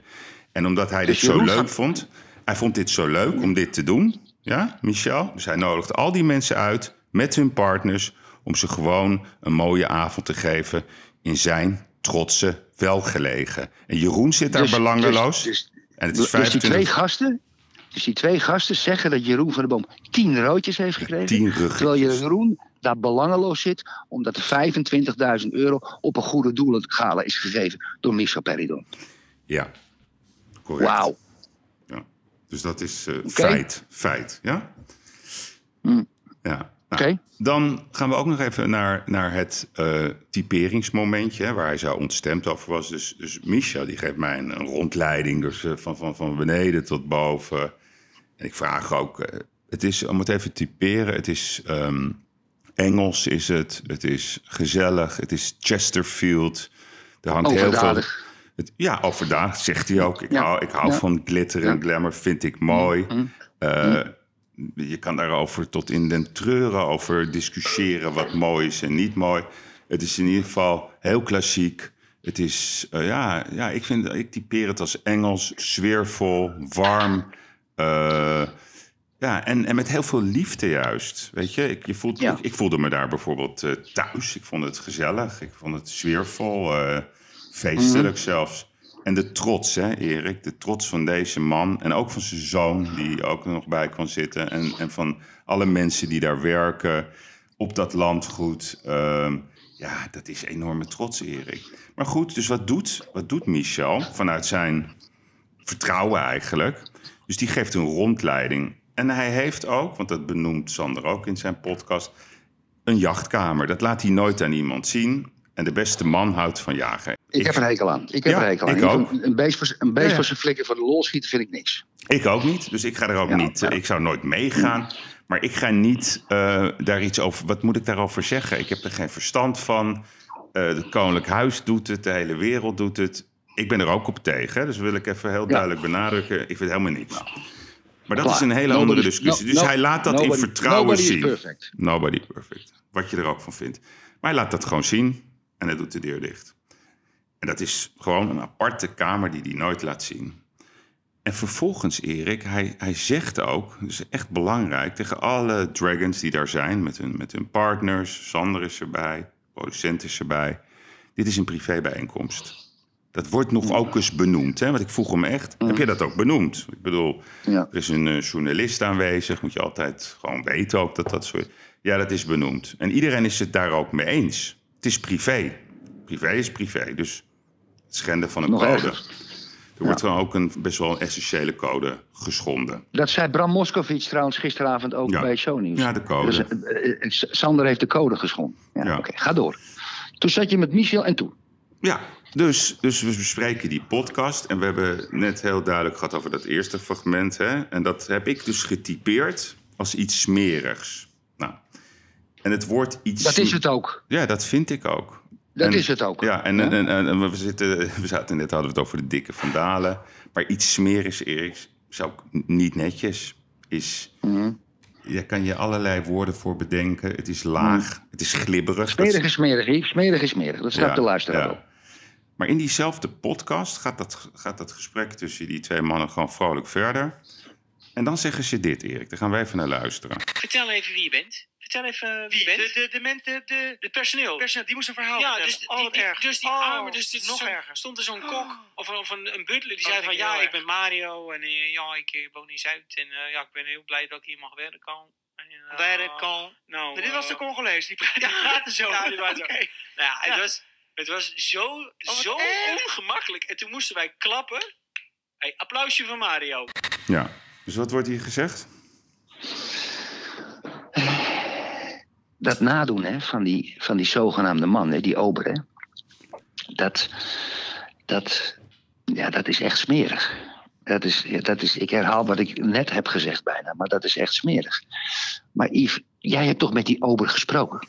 Ja, dus, dus, dus, dus dat nadoen, hè? Punt 1, Ja. dat accentje heel Rotterdam belachelijk maken. Nou, dat vind ik moedig, hoor. vind, Ja. ik, vind ik heel moedig. Ja, Om, om heel Rotterdam te beledigen met zo'n accentje. Ja. En, ja. maar deze man is helemaal niet zielig, Erik. En dat is dus de kern van, van, van het hele probleem. Het neerzetten, oh, wat zielig. Ook dat, dat toontje, oh, wat zielig. Weet je, die man, die kwam ehm, bij... Nou ja, de ober, de butler. Hij heet trouwens helemaal geen Mario, hè? Weet je wie Mario is? Dat was gewoon de chef, ik zal zijn naam noemen, Mario de Ridder. Fantastische chef uit Rotterdam, die hartstikke blij is dat hij in coronatijd ook wat werk heeft. Dat was Mario. En deze man, ik, ik heb Oh. Ik, ik zal, ook weer iets nieuws. Ja, is ook weer nieuw. Deze man heet Ja. gewoon Koen. Ja? En dat is een donkere man. Ja, dat is een donkere man, Erik. En die man, die kwam ehm, er even bij. En toen vroeg ik aan hem, wat, wat, wat vind je ervan? En toen haalde hij zijn schouders op, keek me aan.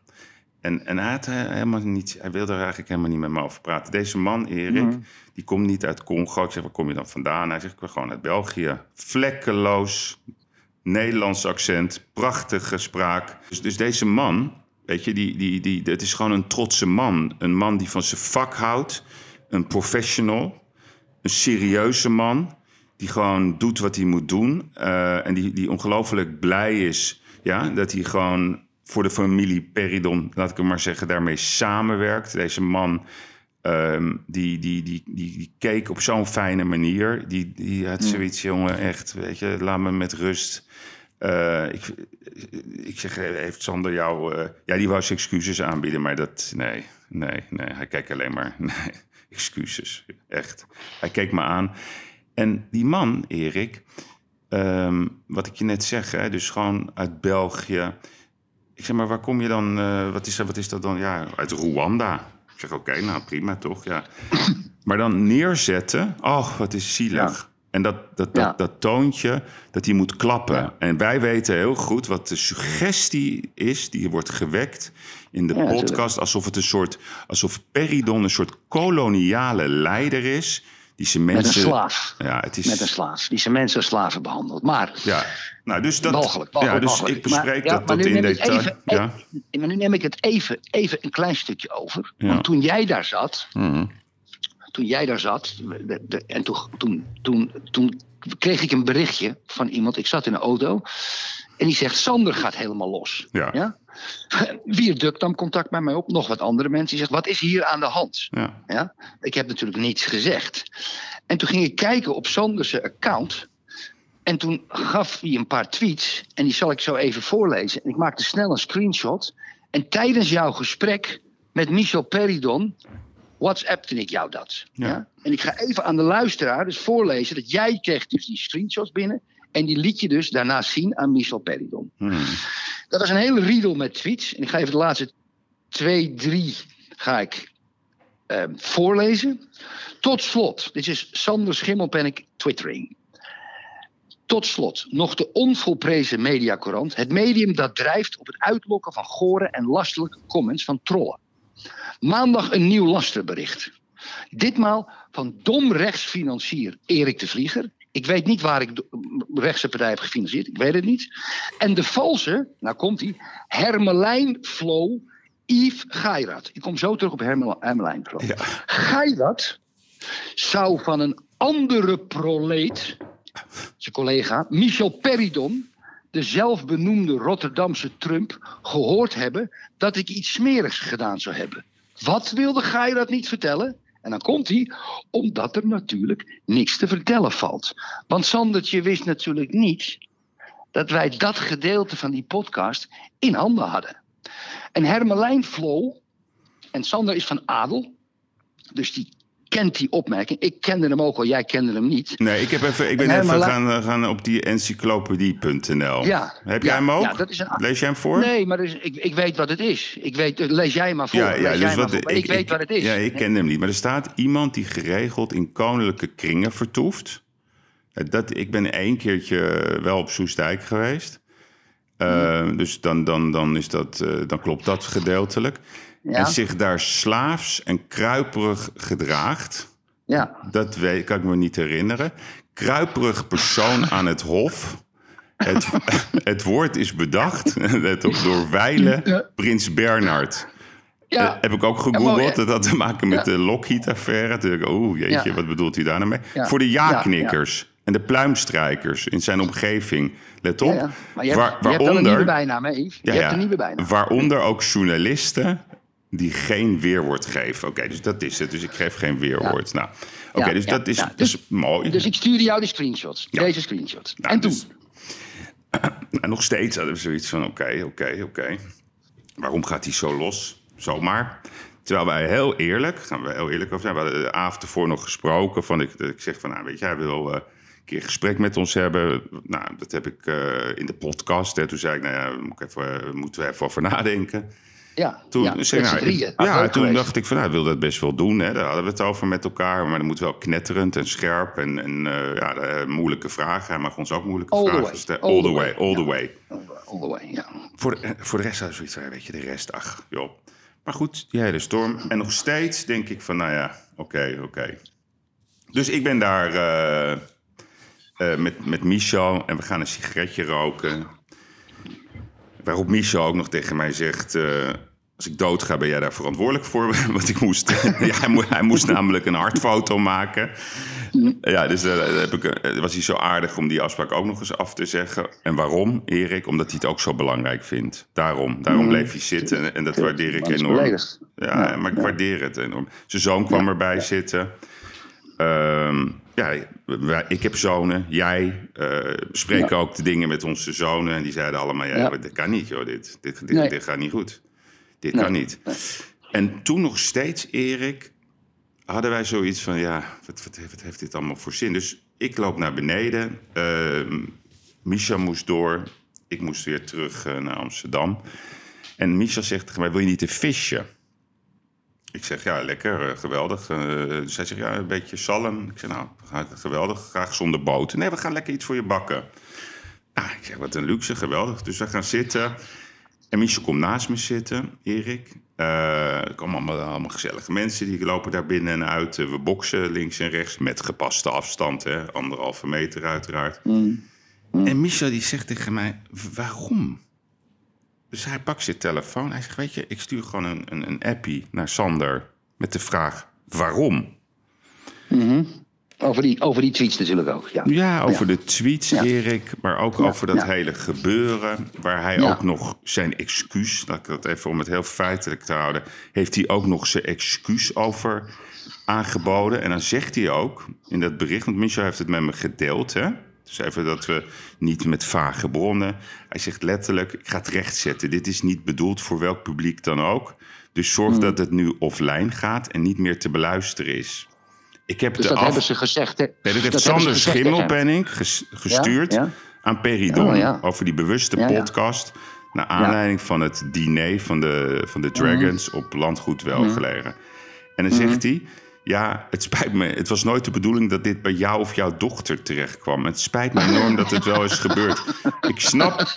Ja, nee, maar ja. Hij snapt het dat is uniek. Hij snapt niet dat hij die man diep beledigt. maar, maar- hij, hij, hij Ah, ah, ah. excuseert zich dat het bij hem terecht is gekomen. Ja, en, en, en ook in een eerdere Dat podcast. niveau. Ja, maar in een eerdere podcast vergelijkt hij eh, Jolante, die ik echt. Ja. Het is zo'n leuk mens is dat. Die vergelijkt hij met een kat met het eh, Down-syndroom. Ja. Down-syndroom, ja. Ja, ja. ja. Ja. Eh, Ja. maar goed. Dat, dat, dat, dat, dat denigrerende, dat neerkijken op Maar mensen. dan zegt komen we hij, zo. Erik, ik snap dat Nee, dit... even de sms. De, Ja, de- ja, de. WhatsApp. ah, ja. Ja, dus ik wil hem even afmaken. Ik snap dat dit pijnlijk is en de vertrouwensband schaadt. Toch zou ik je graag uitleggen waarom. En in welke context dit is gezegd.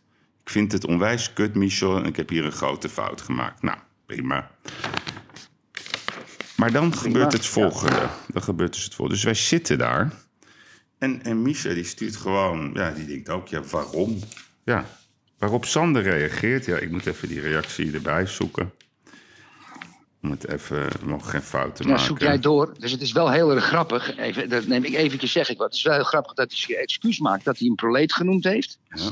En dan nu, of gisteren, eh, gisteren noemt hij hem weer proleet. Ja, Dus zijn excuus is, is ja, oké. Dat is een apart excuus dan. ja. Dus dat is wat, wat die Butler natuurlijk heel goed begreep. Ja, je kan wel excuus aanbieden, maar meen je het ook?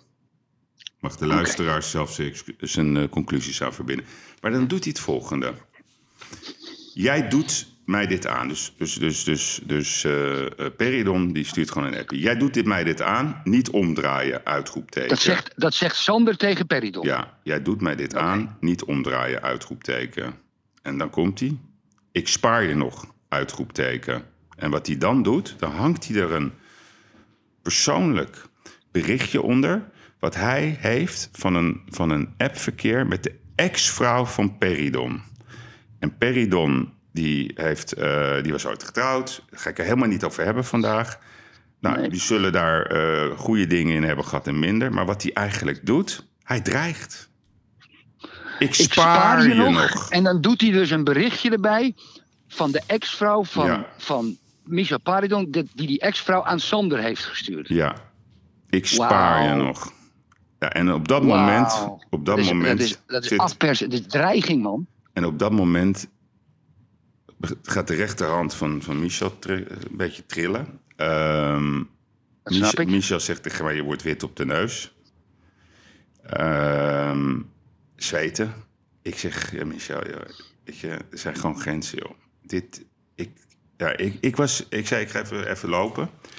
Want ik heb namelijk ook Michel uitgelegd hè, waarom ik het zo belangrijk vind ehm, dat we echt anders moeten gaan denken. Ik heb hem dat uitgelegd. Ik heb een heel persoonlijk verhaal met hem gedeeld. Ik, eh, ik hou het maar even voor me. Maar op dat moment, Erik, toen dacht ik, nee, wij gaan hier gewoon een rustige reconstructie van maken. Mhm. Feiten zijn feiten. We hebben ook wat meningen gegeven. Maar dit is gewoon Ik spaar het... je nog. Ik spaar, Ik spaar nog. je nog. En daar moet je eens over nadenken. Dus dat iemand, hè, je hebt het net goed uitgelegd, op één presentator, hoofdredacteur van de Quote was hij, Volkskrant-columnist, opiniemaker, Twitter-aanwezigheid, die op het moment, en hij is zeer breed in zijn meningen, dat is prima, dat vinden wij goed, weet je, zeg wat je vindt. Maar op het moment dat iemand anders iets vindt, uiteindelijk als een soort, ja, ik weet niet wat voor persoon en wat voor typering ik aan moet geven, door het land wandelt met op in zijn rugzak gifpijlen, als iets niet welgevallig is, dat vind ik schokkend. Dat vind ik echt schokkend. En kijk, daar heb ik natuurlijk over nagedacht. Hmm. En als je de hele manier van zijn communiceren leest, dan is dat minachtend over heel veel mensen, over bevolkingsgroepen. Vooral over rechts, domrechts, alles. Eh, Iedereen die een beetje rechts is, daar kijkt hij op neer. Hij kijkt überhaupt op, op tokkies en dat soort dingen neer. Dat zie je ook in zijn social media antwoorden. En ik denk dat de grond daarvan, dat moet je een beetje zien in zijn afkomst. Nou, ik ken zijn familie niet, maar jij en ik weten dat honderden jaren geleden de adel ja, neerkeek op het gepeupel. Ja, het gepeupel. En die mensen die kregen kinderen. En die kinderen werden ook als zodanig opgevoed dat ze een bevoorrechte positie hadden. Nou, het zou dus zo kunnen zijn dat Sander dat gedeelte van zijn opvoeding heeft meegekregen, in zijn rugzakje gestopt, in Amsterdam is terechtgekomen. En dat minachten van andere mensen, dat denigrerend doen tegen iedereen die iets maar afwijkend denkt dan hij, dat dat eigenlijk in zijn hele bestaan zit. Ja? Ik zeg, dat zou kunnen. Ik zou het een logische verklaring vinden. Nou is er natuurlijk, en dan ga ik hem in een breed perspectief trekken. Als je de VPRO ziet, ja?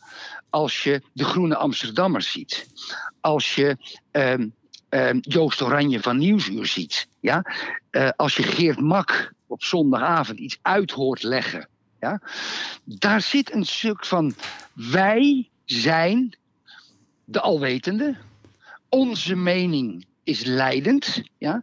en iedereen die daarvan afwijkt, of je nou PVV, Forum voor Democratie of VVD rechts bent, dan deug je niet. Mhm. En dan, en dan minachten we jou. En dan is jouw mening fout. Het grote probleem is, en dat is de kern van het probleem, Yves, dat, dat de D66, GroenLinks, PvdA, goed voor 40, 45 zetels, 30% van de Nederlandse bevolking, maar dat de media, hè, of een groot gedeelte van de media, die zich eigenlijk heel denigrerend opstelt naar de rechtse mens, voor wat dat is. Rechts is eigenlijk alleen maar anti-immigratie, voor de rest is het redelijk sociaal-democratisch.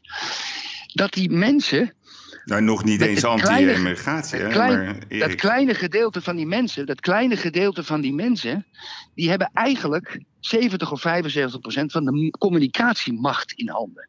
En Sander, ja, die heeft. Want ik zag hem veranderen een paar jaar geleden op social media. Hij hij was, hij was quote-hoofdredacteur. En ik zag hem steeds linkser worden. En steeds radicaler tegen alles wat rechts was. Thierry Baudet en dingen. Nou, kan ik me een beetje voorstellen nu in deze tijden. Maar heel veel. Iedereen. Wierduk. Hij valt Wierduk constant aan. Hij zet Wierduk constant neer als een nazi. Jan Dijkgraaf, daar is niks goeds aan. Volgens, volgens Sander. En, maar hij doet dat altijd op een hele minachtende manier. En zijn clubje, waar hij zich dus heeft ingegooid. Ja, nu zelfs de VPRO. Ja, die zijn ook zo. Die gaan ons wel vertellen hoe het moet met het klimaat. Die gaan ons wel vertellen hoe het moet met immigratie, et cetera, et cetera, et cetera. En de, de verhaallijn, de looplijnen van Rijk Links, zo ik ze altijd noem, de looplijnen, die gaan zo.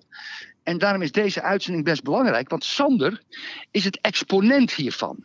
Ja. Net als Femke Halsema. Hè? Femke Halsema, die had een interview in Parool een paar dagen geleden. En die zei, ja, Eva Jinek en ik zijn van Twitter afgegaan. Want voor allerlei redenen. Ze vonden het een, eh, een, een, riool. Ja? Kijk, toen kwam Martin Bosma van de PVV. En die nou maakte een screenshot van de kop van het interview. En die zei, ja, de elite was vroeger ook al zo bang voor de boekdrukkunst. Ja. Nee, maar Erik, Ja, omdat de elite kon lezen, even, snap je? ik, ga even, ik, ik ga even inbreken op jou. Kijk, punt 1. Omdat ik te breed ga zeker nu. Ja, je gaat te breed. En punt Ja, 2. oké. Ik heb duidelijk ook gezegd, we zijn niet links, we zijn niet rechts. We zitten niet Nee. in het midden, we zijn Erik en Yves. Dus we Ja. gaan ook niet over rechts. Dat gaan wij namelijk juist niet doen. En dat is omdat die druk, waar mij het om gaat, Erik, is het monddood maken van mensen. Dat Ja. als iemand iets vindt over corona, dan is het een complotgek. Als iemand iets vindt over biomassa-centrale, is het een klimaatontkenner. Als Ja. iemand iets vindt in een wijk ergens in Nederland waar heel veel problemen zijn, dan is het een Ja. racist. Als iemand Ja. iets vindt over problemen in een asielzoekerscentrum, dan is het een anti-immigratie-mogol. Ja, Dus daar, dat is het, Erik. Daar- dus, dus, dus weet je, wij gooien de deur open voor iedereen. Wij zullen de mensen altijd helpen. Maar het kan niet zo zijn dat we gewoon over dingen praten. En als je gewoon iets anders vindt, hè, Voltaire. Hè, ik ga eventjes, eh, daar heeft eh, Moskowitz ooit iets over mo- moois gezegd. Ik mag uw mening nog zo abject vinden, maar ik zal hem ten alle tijden... Exact. verdedigen. Ja, Ja, ja. En, en, en, en deze man, ja, die zo, zoveel opmerkingen maakt. Je bent een rechtsextremist, je bent dit, je bent zus. Die schendt eigenlijk het kernprincipe van de gedachte van Voltaire. En dat is, wat, Ja. ik, dat is wat, ik, wat, ik, wat, ik, wat ik ter discussie wil stellen. En dat hoop ik Mhm. ook. Ik hoop ook dat dat bij hem binnenkomt. Laat ik dat even duidelijk zeggen. Eh, wij zijn ook niet uit, ik ben in ieder geval zeker niet uit op zijn scalp, om het zo maar te noemen. Nee. Maar het is heel veel food for thought. Wat er, wat, wat er Mhm. eigenlijk wat er gebeurd is, Erik. En ook hè, gewoon een heel simpel om, om iets te zoeken. Hè, want dat is ook wat altijd gebeurt. Iets feitelijks te ontzoeken. Ik maakte de call, hè, zei Peridon. Dus ik zeg, ja, hoe ging het dan? Gewoon even ook om dat feitje te bespreken. Hij zegt, joh, ik heb van de zomer heb ik contact opgenomen met Jort Kelder. En hoe was dat? Omdat het zoveel pijn deed wat er gebeurd was. Dus dat was al lang bekend bij de Dragons. Dat ze niet verder wilden met schimmelpenning. Maar dat gaat dan niet zo van dat er een mail wordt gestuurd. We gaan nooit meer. Dat gaat autonoom. En dat weet Dus- dus- dus- niet. dus het- Dat weet Bert. Nee, Nee, maar Erik, maar- even om het duidelijk te maken. Dat weet hij niet. Wie het wel weet, is Vincent, de producent. Ik heb de man ook Ja. gebeld. En Ja. ik heb hem gevraagd, gewoon twee vragen heb ik hem gesteld. Punt 1, was het een privébijeenkomst? Daar heeft hij op gereageerd. Hij heeft me dat bevestigd. Ja, het was een privébijeenkomst. En toen heb ik hem de tweede vraag gesteld. Maakte Peridon wel of niet de call? En hoe je dat ook wil noemen. En daar zei hij, ik wil het bij houden dat het een privébijeenkomst was. En dat respecteer ik. En iedereen mag zelf daar zijn conclusies aan verbinden. Maar daar gaat het mij niet eens om. Wie de call Nou, maakte. Nou, Waar nou, het om gaat. nou. nee, ja, Erik, weet je, Ja, het is toch ja, duidelijk? toch een... Ja, maar hoe, hoe duidelijk wil je het hebben? ik. Nou ja, de media heeft anders bericht. Nee, dat komt omdat Nicky gewoon geen zin heeft in gedoe. En dat begrijp ik. Dus ik ga ook Nicky niet daarin beschadigen. Weet je, dat meisje, of dat meisje, eh, dat klinkt zo badinerend. Ja. Die buitengewoon succesvolle zakenvrouw. Die heeft ook al genoeg gezeik aan haar hoofd met corona. Mhm. Wel niet open en, en, en regelingen wel of niet of dat terecht is. Ik, dat snap ik volledig. Maar hij moet zich ook Mhm. zeg maar, ervan vergewissen dat als je dit soort dingen doet en zoveel verantwoordelijkheden eigenlijk met je meedraagt, dan mag je nog zoveel meningen hebben. Maar je kan niet, als het je even niet bevalt, werkelijk waar een wagonlading aan gifpijlen uit je tas halen, mensen framen, mensen belachelijk maken. Mag, prima, maar dan niet gaan janken als iemand iets anders over jou vindt. Dat heb je. Ik vind het een hele ook- juiste conclusie. Ik zou bijna zeggen amen. Ik moet dan even een slokje water nemen. Ja, je bent erg in vorm. Hm. Je, hebt hem, je, hebt het, je, hebt, ja, je hebt het goed op je netvlies staan allemaal. Ja, Yves, wat hebben we er verder nog aan toe te voegen? Niks. Eigenlijk niks, hè? Nee. Food for thought, dat is het. Voor, voor tot. Wil je afsluiten? Ja, ik denk gewoon... Ik dacht, is hij overspannen, joh. Ik bedoel, eh, dat geweld op Twitter en, en, en dat... Ja, dit is, ik weet niet wat, hij, wat, wat Ja, mijn- bewogen mijn- om dit allemaal te doen. Mijn kinderen, mijn kinderen vinden het heel vervelend dat hij me een extreemrechtse proleet noemt. En de zoon van Peridon vindt het ook heel vervelend hoe zijn vader Ja. wordt neergezet. Ja, Je komt ook nog eens aan de kinderen en aan de familie. Moet je zo over nadenken. ja, ja. Maar vond je mijn punt een beetje van zijn adellijke afkomst? Dat daar toch een soort in die... Ik zeg niet dat het in de genen zit, want dat is gevaarlijk. Maar Ja. dat er... Dat er hè, kijk, ja, ik mag hem niet te breed trekken hoor. Want ik, ik, ik kom uit bij de oorlog. Maar goed, dan laat ik dat nou maar niet doen. Nee, dat moet Ik je vind, niet doen. ik, ik vind eigenlijk dat we het genoeg besproken hebben. ook. We gaan het er Eh, ook bij laten. En, en we, we hebben Ja. het gedaan omdat we... Ja, er zijn zoveel verhalen over verschijnen. Ik vind het heel essentieel om het te duiden. Ook omdat wij vaak over de media praten. Over de mensen die aan tafel zitten.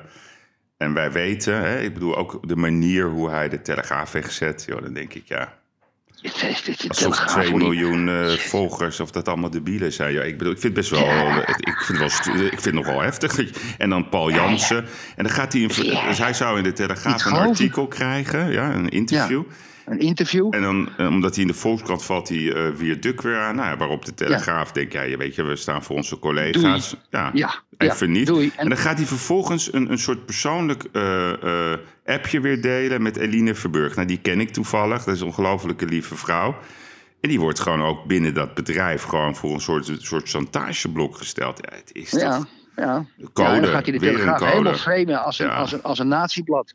Niet te geloven. Ja, ja, ja, die pikken dat natuurlijk ook niet, hè? Nee, nou ja, dat moeten ze zelf weten. Maar goed, dat moeten ze allemaal lekker zelf weten. Erik, Maar weet je, jij bent wel de liefste Hermelijn-flow die ik ooit heb, eh, ben tegengekomen. ja, mooi. ja. Ja, dat, is, eh, dat is echt je bijnaam. Ja, ja, ja. Nee, ja, ik, ik, ben- Hermelijn ik, Vlot. nou, ik heb heel veel bijnamen. Ik ben, was ooit Mr. Millionaire. Ik ben ooit Mr. Luxury. Eh, Weet je, Erik, zullen we mij één bijnaam geven? Gewoon Yves.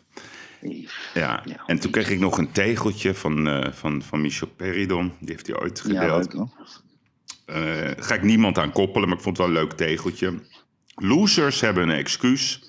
En winnaars hebben Ja. een plan. Michel Peridon. Ja. Nou, Ja, dus, ja, dus, ja, dus ja. dit tegeltje, eh, Michel, is Ja. voor jou. Ja. Ik vind het heel Ja. erg stoer van je.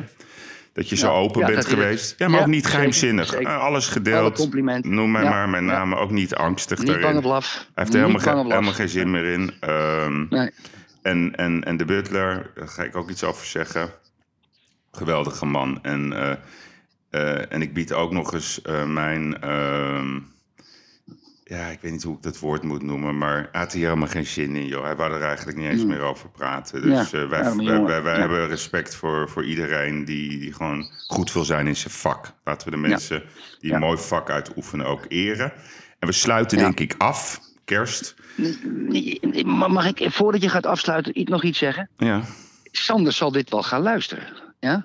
Geldt onze aanbieding nog steeds om met z'n drieën een, een podcast te maken? Ja, nee. Nee? Nee, nee, nee, nee. Oké. Ik wil... het was eh, spectaculair, iets. ja, nee, nee, nee, nee, dat vind ik ordinair. Bij hem in de podcast, met die Nee, andere gozer er ook Nee, bij. ook niet. Dat moeten we dan maar... Dan gaan we dat ook... Ben saai? Nee, want dan gaan we namelijk even eerlijk zijn nu. Want dan is het, oh ja, dat is de promotie en, de, en dit en zus en zo van onze podcast. Zuipen. Dat gaan wij dus niet doen. En als iemand anders er zin in heeft op een ander kanaal, dan doe ik het wel.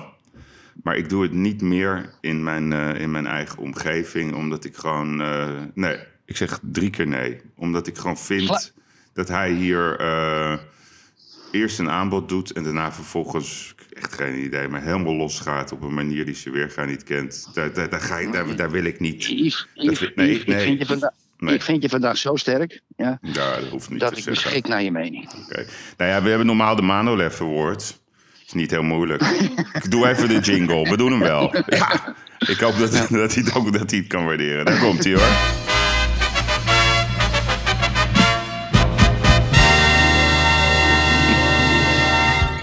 Dus Sander, de Manolev Award is voor jou deze keer. hey, Erik. Oh, oh, ehm, oh, ja, jij oh, moet oh. naar het vliegveld. Ik heb ook nog Ja, wat ja, en dan moet ik snel terug. Ik heb twee actes. Ik heb weer nog twee actes, net voor kerstmis. Heel goed. Ik heb er nu 13 gedraaid. Tenminste, Ja. als- vandaag heb ik er 13 gedraaid. Ja. Tussen kerst en nieuwjaar draaien we er ook een stuk of vier. Dus we gaan, eh, we gaan beuken. Ik spreek je later, lieve vriend. Ja, Erik, wou je nog, ehm, voordat, want we gaan het nu afsluiten, hè, ehm, wou je nog even doorlullen? eh, we hebben geen betaalmuur trouwens, nog niet. Nee. Wou je nog, even niet, nee. doorlullen over Appie? Even Eh, vijf minuutjes? Ja, oké. Sluit jij af, dan lullen wij even door. En als de Ja. luisteraar wil luisteren, kan de luisteraar luisteren. Ja. ja, dit was eh, de gigs van deze week.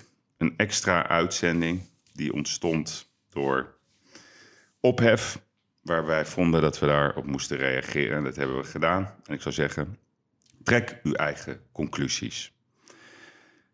Komende vrijdag de grote kerstshow.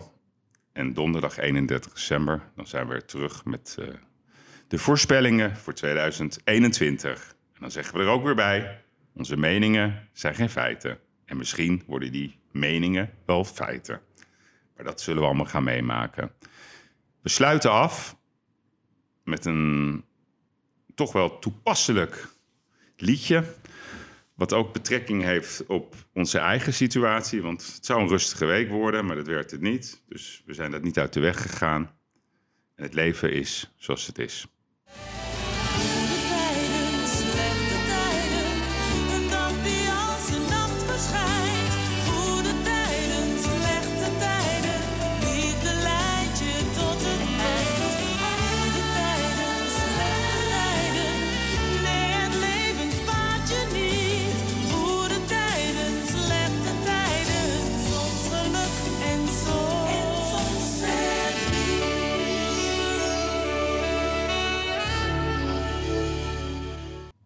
Erik, ik, had het, ik heb het net mooi afgesloten.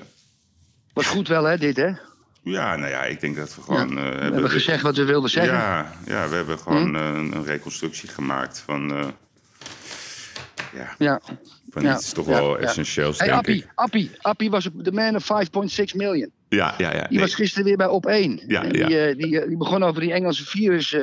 Ja. dat is allemaal zo gevaarlijk. Ja. hij heeft nu een nieuw... heeft- ja, maar hij heeft een nieuw, nieuw... Ik wist trouwens niet dat Appie zo'n goed maatje was van eh, Henk Spaan. En ik, ik zeg heel eerlijk, ik ben abonnee van het Parool. En ik ben altijd heel blij. ehm, of het eerste wat ik doe is, is de is column... dat zo? Ja, de- ja, ja, ja, die staat ook naast, naast hem oh, Henk gisteren. Spaan heeft mij geblokt op Twitter. Nou, Oh. snap ik het. Nou ja, ik ben fan. ik ben fan. Ja. Ja, ik ben fan van Spaan. Ik ken, ik ken weinig mensen die in zo'n kort stukje zo mooie odes kunnen maken en, en duidingen van voetballers. Dus ik vond het wel grappig. Ja, ze schijnt dat ze met elkaar gevoetbald hebben. Nou, dus dat is, daar wordt misschien ook over nagedacht. We zetten een vriendje neer naast Appie. Maar wat ik grappig vond, Erik, kijk... eh, we hebben dit besproken tot in den treuren. Nou, er, moest heel veel gedoe over om, om, om gewoon een keer duidelijkheid te krijgen over het feit dat Appie gewoon eh 5,5 miljoen euro heeft verdiend. Netto, netto. Ja. Nou ja, dat komt dan in de, in de BV. Hè. Dat heeft Appie ook gezegd. Dat komt in mijn BV. Nou, kan je, kan je agiootje doen, hè? kan je kasrondje doen. Eh, je kan het ook Ja. uitkeren en dan moet je dividenden betalen. Belastingbetaler 25 Ja, procent. maar, maar wat, wat ik. Het is namelijk. eh, Henk Spaan zegt, het is een hele slimme man. Hè? Dus, dan gaat, dus, dus hij legt, hij typeert eh, Appie. eh, dan zit hij te kijken en dan zegt hij tegen zijn vrouw, dat zegt Henk dat, let op, moet je opletten. Dan kan Appie minachtend kijken. En hij zegt ook, hij is ook zo slim.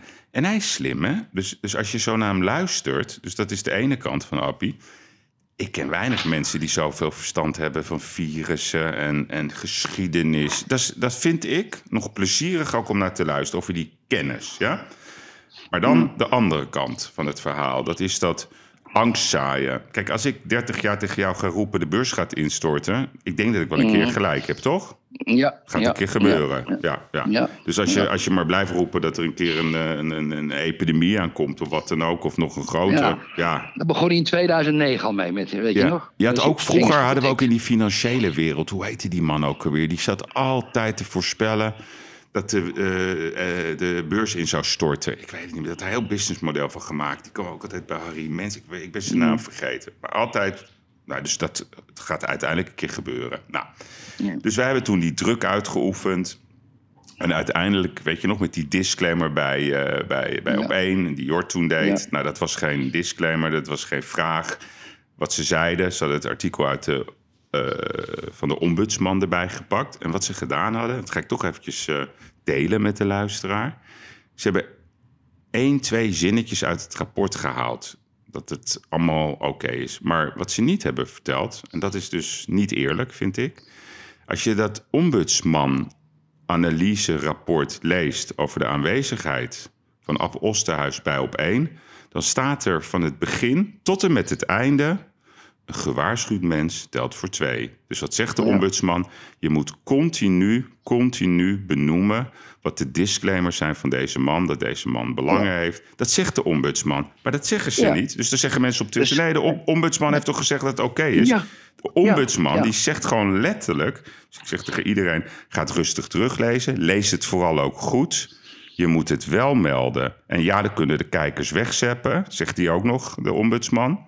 Maar meld het wel. Dus dat is, dat is het, wederom het verdraaien van wat er echt... Dus de Ja, contextverdraaiing. ja, ja. Mag Nou. ik ook een verhaal vertellen, Yves? Of ben je... Ja, eh, ja jij mag alles zeggen. Eventjes, want ik, vind, ik, hou, ik Ja. hou er wel van om dingen helder te hebben. En dan heeft hij het ook nog over dat verhaal dat hij helemaal is vrijgepleit door Follow the Money. Vrijgepleit. Follow the Money heeft een, een keurige duiding gemaakt. Ja. Dat, dat heeft niks te maken met vrijpleiten. Die laat gewoon, en dat, zo werken ze ook, die jongens van Follow the Money. Die leggen gewoon uit hoe ze de dingen zien. Maar daar, da- die zijn heel duidelijk van de afdeling feiten zijn feiten. En die Feiten zijn geen- feiten. En er zijn Ja. nog... en- en- en- maar er staat en- nergens, en- uh, en- en- Appelstuis het is gebrek- vrijgepleit. Het gebrek aan bewijs wil niet zeggen dat het bewijs er niet is, hè? Nee, maar het ging, het ging niet eens om het bewijs. Kijk, uiteindelijk is het bewijs naar boven gekomen. En dat vond ik zelf heel opmerkelijk. Hè? Dus zaterdag, groot stuk in de Volkskrant. Nou, in Ja. de, op Volkskrant Magazine, want ik pak hem er even bij. Met Appie. Nou, en dan... En dan Slechte interview. nou ja, kijk, en dan zegt ze in dat interview, hè... dan stelde ze op een gegeven moment de vraag... Ja, ondernemer Yves Geiraat staat er dan... eh, beweerde bijvoorbeeld in een podcast... Nou, gewoon, Podcastje. nee, nee, nee, dat is in een... Hè, over documenten te beschikken... waaruit zou blijken dat u begin 2018 ineens, ineens 5,6 miljoen euro op uw Ja, bankrekening ja, kreeg we, hebben, gewoon, we hebben die jaarcijfers. Ja, ja, maar dat hebben we toen heel rustig uitgelegd. En hij zegt Ja. ook dat dat zo is. Ja, Eh, ja, dat had hij wel meegekregen. Nou, en, hij meegekregen. Erik, en dan zegt hij op het einde... Maar, maar, maar... Ik heb bijvoorbeeld bij een ander bedrijf een advi- adviesfunctie bekleed. Maar het geld dat ik daarvoor kreeg... Dat heb ik weer doorgestort naar een stichting. Ja? maar die 5,6 miljoen niet. En dan op het einde... journalist vraagt niet door. Nee, En dan op het einde van, van dat grootste interview, op het einde dan zegt ze even, ja, nee, maar, ja, maar op het einde dan, om het even in een mooie context te plaatsen, dan zeggen ze, naar aanleiding van de 5,6 miljoen dook het platform voor onderzoeksjournalistiek Follow the Money ook weer diep in alle verdachtmakingen rondom u. En, let op Erik, kon niet anders dan geconcludeerd worden dat er geen enkele concrete aanwijzing van financiële belangenstelling. ja, maar op een gegeven moment haak ik af, hè? Ja, ik ook. Weet je wat ik ook Ik vind, ik vind eigenlijk Appie Oosthuis gewoon eigenlijk heel leuk. Ik, dat hij, gewoon, hij gaat er ook elke keer zitten, uniek. En hij zegt ook, ik wil wijn, hè? Want ze, ze, ze zetten geen, want ze hadden gezeik gekregen dat hij wijn drinkt. Dus hij zegt, het is mooi ook. Hij zegt, ik vind water vies, ik wil gewoon wijn. Die man, Ah, heeft, die man ja. heeft een teflonpak. Is, ik, ik, ik- Ja. Die wil ik Ik- wel een keertje. Die gaan we wel een keertje goed gesprek met hem hebben. Ik wil van, een- ik, we moeten van hem leren. Ah, ik denk dat hij het wel doet. Hij vliegt ook elke keer vanuit Hamburg. Komt hij elke keer weer. ja, Ik bedoel, die man vindt het Ja, dan leuk. zit hij in een of andere commissie. Dat heb ik nog een beetje nageplozen, maar daar heb ik geen tijd voor. Yves, mag ik je nog wat ja, anders ja, Yves, ja, Yves, zeker. kijk, Yves, Yves, wat ik, er is iets wat mij zo is opgevallen. Ja, Kijk, dat één vandaag, hè, dat heeft een opiniepeiling. ja. En daar is wel eens kritiek op dat ze te weinig mensen, daar weet ik veel wat. Nou. En wij hebben toch deze laatste weken de, de deconfiture van, van het regeringsbeleid gezien met betrekking tot de toeslagenaffaire. Hè? Zeker We hebben natuurlijk. eh, Rutte is hoofdschuldige, dat is altijd baas van een baas is altijd hoofdschuldige. Dan heb je wat andere mensen, Asje Wiebes, et cetera. En die sadisten van de Belastingdienst. Ja? Nou, wat doet één vandaag? Die doet elke week doen ze een peiling. Ja? En wat denk je? VVD op 42 zetels. Drie zetels erbij. Na de toeslagenaffaire zijn er dus Nederlanders. Ne- Ne- Nederlanders die hebben het gevolgd. Als die, als die opiniepeiling klopt. Wat ik, ik, ja, ik, dat, dat laat ik even in het midden. En de VVD is fors gestegen. Ja, bijna 8% in de zetels. Daar snap ik nou helemaal niks. Nou, ik snap in zover aan. De mensen zijn gek. De Nee. VVD had 20 Erik. zetels moeten verliezen. Ja, Yves. ja, ja, ik ga je wat zeggen. Ik heb je de vorige keer verteld. Ik ben lid van het panel, hè? Nog steeds, hè? Totdat ze me eruit gooien. Dus ik had ook weer meegedaan aan dit onderzoek, Erik. En dit keer had ik ook wat commentaren erbij geschreven. Wat zeggen ze dan? Kleine meerderheid vindt dat. Dus ik zeg elke keer.